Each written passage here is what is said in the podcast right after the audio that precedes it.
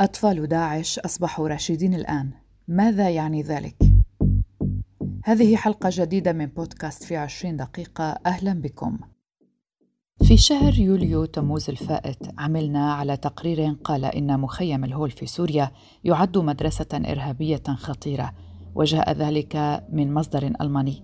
فقد تحدثت الحكومة الألمانية وقتها عن الوضع العام في المخيم استنادا إلى تقارير صحفية ومعلومات خاصة. وأعلنت الخارجية الألمانية في رد على طلب إحاطة من الكتلة البرلمانية لحزب اليسار إن إيديولوجيا تنظيم داعش الإرهابي وتطبيقها يجرى تمريرها هناك خاصة من قبل المناصرات الأجنبيات للتنظيم في مجموعات تعليمية منظمة للقصر. وجاء في الرد الذي اطلعت عليه وكالة الأنباء الألمانية حينها أن مستوى التطرف بين الأطفال والمراهقين مرتفع وأن أعمال العنف الفعلي واللفظي تزداد من هذه المجموعة. أضافت الوزارة أن المستوى القيادي لداعش ينظر على ما يبدو إلى الأطفال والمراهقين في مخيمات اللاجئين والسجون على أنهم الجيل القادم للتنظيم وأشارت إلى أن هجمات أنصار داعش أصبحت أكثر عنفا وهي تؤدي إلى عمليات قتل أكثر مما كانت عليه في 2019 موضحة أن مخيمات اللاجئين مكتظة ووضع الإمدادات سيء. ولفتت الوزارة إلى أنه بحسب بيانات قوات سوريا الديمقراطية يوجد أكثر من عشرة آلاف عضو سابق لتنظيم داعش في سجون يديرها أكراد في شمال وشرق سوريا. وتقدر الحكومة الألمانية عدد المواطنين الألمان البالغين المعتقلين على خلفية انتمائهم لداعش أو منظمات إرهابية أخرى بثمانين مواطنا ثلاثين رجلا وخمسين امرأة. وقبل أيام عادت التحذيرات لكن هذه المرة من قبل مسؤول كردي كبير في منطقة روج آفا شمال شرق سوريا. حذر من قدرة تنظيم داعش على إعادة تجميع صفوفه في معسكرات وسجون المنطقة حيث سيصبح أطفال أعضاء التنظيم المتطرف راشدين. إنهم يكبرون في المخيمات. هؤلاء الأطفال كانوا يبلغون من العمر 14 عاما عندما تم أسرهم لكنهم اليوم بلغوا الثامنة عشر أو التاسعة عشر عاما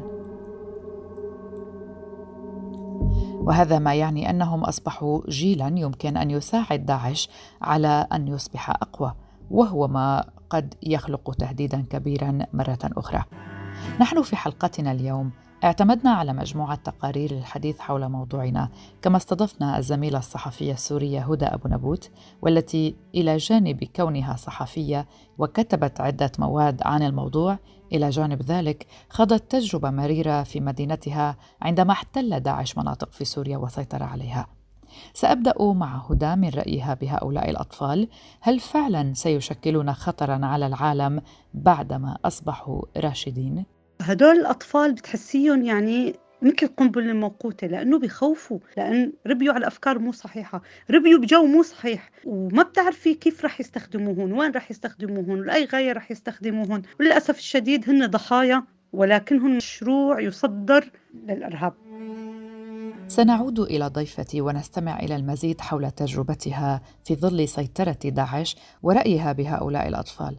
لكن قبل ذلك سنذهب إلى روج آفا وإلى مخيم الهول حيث يحتجز حوالي عشرة آلاف من مقاتلي داعش المشتبه بهم في سجون روج آفا تحت حماية قوات سوريا الديمقراطية الكردية وبمساعدة التحالف الذي تقوده الولايات المتحدة ضد داعش. فيما النساء والأطفال محتجزون في مخيم الهول وروج في الحسكة. هناك أيضا ما يقرب من 68 ألف شخص سوريون وعراقيون وأجانب هم محتجزون في مخيم الهول. معظمهم من زوجات وأطفال مقاتلي داعش وحوالي 43 ألفا منهم هم أطفال. وقبل يومين بالضبط كشفت أرقام الإدارة المدنية لمخيم الهول والذي يقع شرق محافظة الحسكة السورية. كشفت عن وجود 17693 عائلة تضم 64373 شخصا انتموا جميعهم إلى تنظيم داعش الإرهابي. هفال جابر من الإدارة المدنية ومسؤول العلاقات سيخبرنا عن آخر الإحصائيات التي أعدت لتبيان أعداد القاطنين في المخيم والتي أكدت وجود زيادة مستمرة في أرقام قاطنيه بسبب وجود الكثير من العائلات العراقية والسورية وحصول حالات زواج وإنجاب المزيد من الأطفال. يبلغ عدد القاطنين السوريين في مخيم الهول 24223 شخص. بينما العراقيين يبلغ عددهم 30606 أشخاص. آه، الأجانب منهم آه، يبلغ عددهم 9544 آه، مهاجر. وبذلك فيكون العدد الكلي بمخيم الهول 64373 قاطن في المخيم. عدد الأطفال هو العدد المسيطر في مخيم الهول. الأطفال في مخيم الهول ما يقارب ال 41919 طفل. تم تحويل عدد من الأطفال المهاجرين إلى خارج المخيم إلى مركز هوري وذلك من أجل إعادة تأهيلهم. هذه الزيادة في أعداد القاطنين في المخيم تزيد من أعبائه وهناك بعض المنظمات تتكفل بتأهيل هؤلاء الأطفال والنساء من أجل إعادة دمجهم بالمجتمع لا سيما السوريين والعراقيين. لكن ووفق ما أخبرنا به هافال جابر من الإدارة المدنية للمخيم فإن الأجانب يعدون القطاع الأكثر خطرا ضمن القاتلين في المخيم إذ تلجأ النسوة هناك إلى تعنيف بعضهن البعض فضلا عن محاولات الفرار المستمرة من قبلهن إلى جانب تشجيع أطفالهن على استخدام العنف وتعبئتهم للانتقام من المجتمع وهذا ما وصفه هافال بأنه الأمر الأكثر سوءا والذي يجعل من مخيم الهول قنبلة بشرية موقوتة ينتظر العالم انفجارها في أي لحظة. هنا أيضا سنستمع إلى صديقتي الصحفية هدى أبو نبوت. في بعض النساء السوريات تزوجوا أجانب ما بدي أقول لك السوريين انتموا بعدين لا الأجانب اللي جايين من برا اللي هن أصلا قيادات داعش أو آه عناصر من كل الدول إن كانت عربية أو حتى أجنبية وفي شيشان وفي فرنسيين وفي توانسة ومن كل الجنسيات. هدول جابوا أطفال وهدول الأطفال انولدوا بسوريا بهذا الظرف الغير صحي. هن تربوا من أب وأم عندهم هاي الأفكار. فحتى بعد فترة مثلا يموت الأب بالقتال بالمعارك أيا يكن بضل الطفل هو وأمه متشبع بهاي الأفكار اللي ورثها واللي تربى عليها. وما بيعرف شيء عن البيئة المحيطة هي البيئة الطبيعية السورية اللي نحن ما بنعرف هذا الشيء ولا عشناه ولا نحن عنا طريقة التربية هي لكن هو عاش ضمن هذا المحيط الداعشي. أبوه وأمه مثلا أصدقائهم بالتنظيم محيطهم وهكذا. ربي بهذا الجو اللي هو مسلوخ تماما عن الجو الطبيعي السوري المعتدل ما عنده أبدا هاي النوع من عندما سألت هدى عن تجربتها في ظل تلك الأيام التي عانوا منها بعد احتلال داعش لمناطق في سوريا ذكرت لي كيف تعامل الأجانب معهم. دعونا نستمع.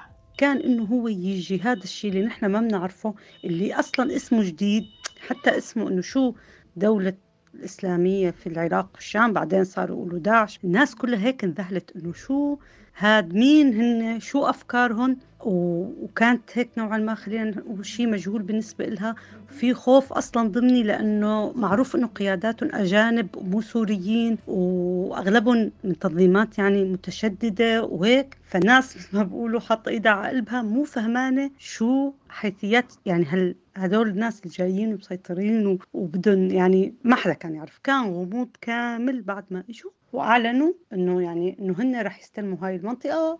أود هنا أن أخرج قليلا عن موضوعنا الرئيسي أشبال ومراهقي داعش الجدد وستحكي لنا هدى من ذاكرتها ما عايشته هالأجيال الصغيرة من الأطفال اللي نشأت بهذا المجتمع اللي ما كان جديد هذا الواقع الجديد نحن ما كنا نعرف عنه شيء. كانوا يختاروا ساحة. اللي هي الساحة الكبيرة اللي بيكون فيها السوق بأي منطقة هن موجودين فيها. ونفس الشيء نحن كنا مسكنة. مثلا قرروا مرة قرروا إنهم يقطعوا إيد واحد سرق بسكليت. اتجمعت الدنيا كلها وقالوا له نحن يعني اللي الشاب اللي سرق له البسكليت تنازل عن حقه. وقال أنا ما بدي لا تقطعوا إيده. نحن هذا كان شيء يعني عنيف جدا بالنسبة لنا إنه يصير في قطع إيد لهيك جابوا وتجمعت كل الناس تتفرج على الشيء اللي بده يصير وكان هاي يعني تعد آه، سابقة. الأطفال الصغار الكبار. ولكن كان أكثر شيء يحز بنفسي أنا لما أفكر إنه الأطفال الصغار اللي عم يشوفوا هذا المشهد الدموي كيف واحد عم بنقطع إيده؟ كيف رح تكون ردة فعله؟ كيف نفسيته رح تكون؟ هو كيف رح ينشأ بالمقابل؟ كيف رح يكون إنسان سوي حياته؟ للتذكير سيطر تنظيم داعش على مساحات شاسعة من الأراضي السورية في صيف 2014 وأعلنت قوات سوريا الديمقراطية والتحالف الدولي ضد داعش هزيمة هذا التنظيم الإرهابي على الأرض في آذار مارس 2019 ماذا ستقول هدى هنا؟ مع الأيام هدول الأطفال اللي كانوا يحضروا هيك أشياء ويشوفوا طبعا كمان داعش كانت تستخدم أسلوب تاني اسمه الأسلوب التوعوي تجيب سيارة تحط فيها مثل الاستوريو وراديو وإذاعة وهيك ودائما عندهم الناس أصواتهم جميلة جدا للأناشيد بنشدوا بصوت عن جد. أنت بتحسي إنه يعني هيك طريقة جذب يعني غريبة يعني مزبطين كل شيء. بدوروا بالسيارات بصيروا يدعوا للأهداف وللشغلات ونحن بدنا نعمل نحن بدنا نسوي ودولة الخلافة والحق والقاء. وهذا الحكي فبيجوا بصيروا يجذبوا جيل الصغير اللي أصلا وعي بالحرب. يعني هدول الأطفال الصغار وعيوا بالحرب. وما بيعرفوا أصلا شيء قبل الحرب يعني ما بي... لسه ذاكرتهم عن الحياة الطبيعية البسيطة مشوهة لأنه ما ما عاشوها. فبنجروا لأي شيء فصاروا يجروا هدول الشباب الصغار الأطفال حتى. مو شباب كانوا بين 11 12 13 إنه ينتسبوا بيعطوهم رواتب بياخذوهم على. أول شيء يعملوا لهم دورات توعية وهكذا بصير في مثل غسيل الدماغ لهم هن أصلا بهي البيئة اللي كلها طيران وقصف ويعني خوف مو بيئة سوية لإنه أصلا ينشأوا. ما في مدارس ما في تعليم. كثير أسباب ساعدت إنه هاي الفئة كلها تقدر داعش تجذبها لعندهم بالفعل بهذيك الفترة. نعود إلى مخيم الهول. تقرير جديد آخر نشرته منظمة حقوقية مقرها المملكة المتحدة في وقت سابق هذا الأسبوع. وصف مخيم الهول بأنه غوانتنامو ودعا الدول الأوروبية إلى إعادة مواطنيها.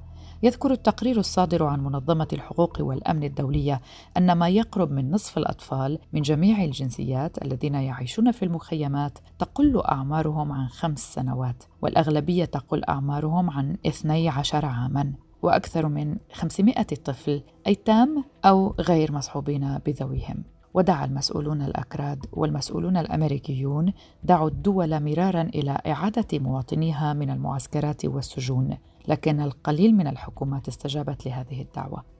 المسؤولة الكردية ياسمين أحمد المدير التنفيذي ل RSI قالت في لقاء تلفزيوني على قناة روناهي إن الادعاء بأن ترك النساء والأطفال في المخيمات أكثر أمانا هو أمر يقلق خبراء الأمن الذين يقولون إن الخطر الأمني الحقيقي يأتي من ترك هؤلاء النساء والأطفال في معسكرات الاعتقال حيث يتعرضون للتطرف.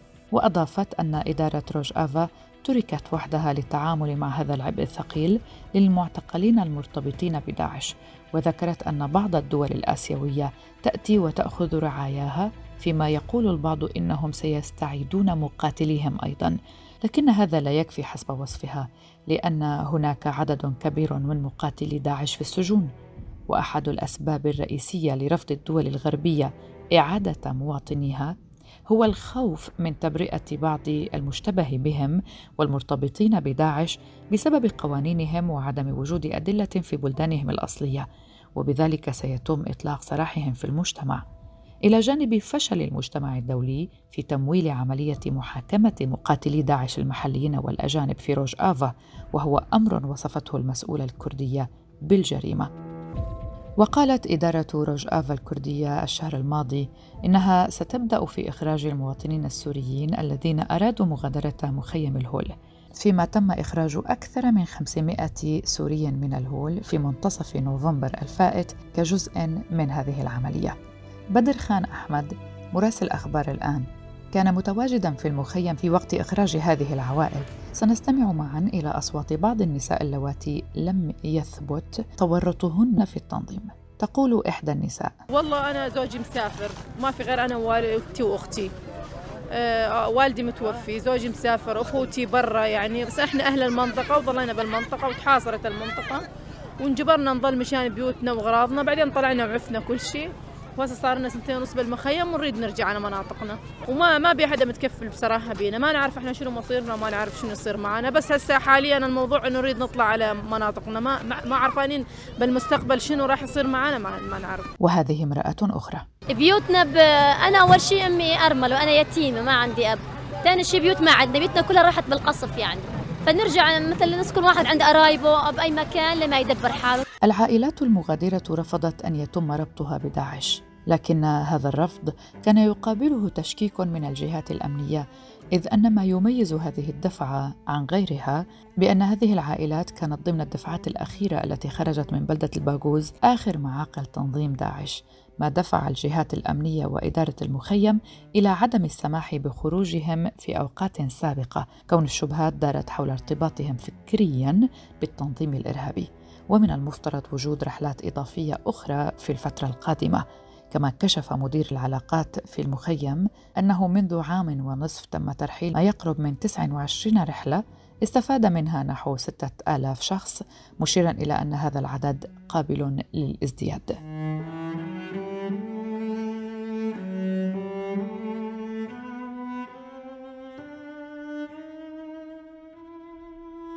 يصفهم الجميع بالقنبلة الموقوتة التي من الممكن أن تنفجر في أي لحظة لتهدد العالم من جديد بتنظيم إرهابي ارتكب أبشع المجازر بحق البشر. كل هذا وتقف الدول صامتة عوضا عن إيجاد حل لاسترجاع مواطنيها الذين التحقوا بهذا التنظيم ومحاكمتهم حسب القوانين الدولية وإنقاذ الأطفال من هذا الخطر بسبب الاستمرار في غرس الفكر الداعشي في عقولهم من قبل أمهاتهم. كتير آه، أطفال آه، بالفعل صار عندهم آه، يعني قناعة بصحة هذا التنظيم. وبالفعل إنه هن بدهم يقاتلوا الكفار وبدهم يدافعوا عن الدين. ومن هذا الحديث الذي يطول اللي دائما بيستخدموه الدواعش بخطابهم. ولكن في فئة تانية بتحسيها إنه كانت بس عشان المصاري والإغراءات ويصيروا أمراء ويصيروا يستلموا مناصب وأسلحة. وهذا الجو اللي يعني المراهقين بحبوا انهم يعني يعيشوا. لكن للأسف داعش دائما بتصدر بالمعارك هذا الجيل الصغير الشاب اللي بتقول له روح فجر حالك. ما هو صدقا ما بيعرف شو يعني حتى إذا مات شو مات يعني. ومين رح يخلف وراه؟ وشو رح يصير بأهله؟ شو رح تبعات كل هاي الأشياء ما بيعرفوها. فكانوا دائما يجندوا كل هاي الأطفال الصغار للعمليات الاستشهادية يحطوهم بالصفوف الأولى بالمعارك إنه هدول دائما الجنود اللي بسهولة ممكن يعني يصدروهم بمعاركهم وهن يضلوا الصف الأول والثاني والثالث محمي وما حدا بيقرب عليه.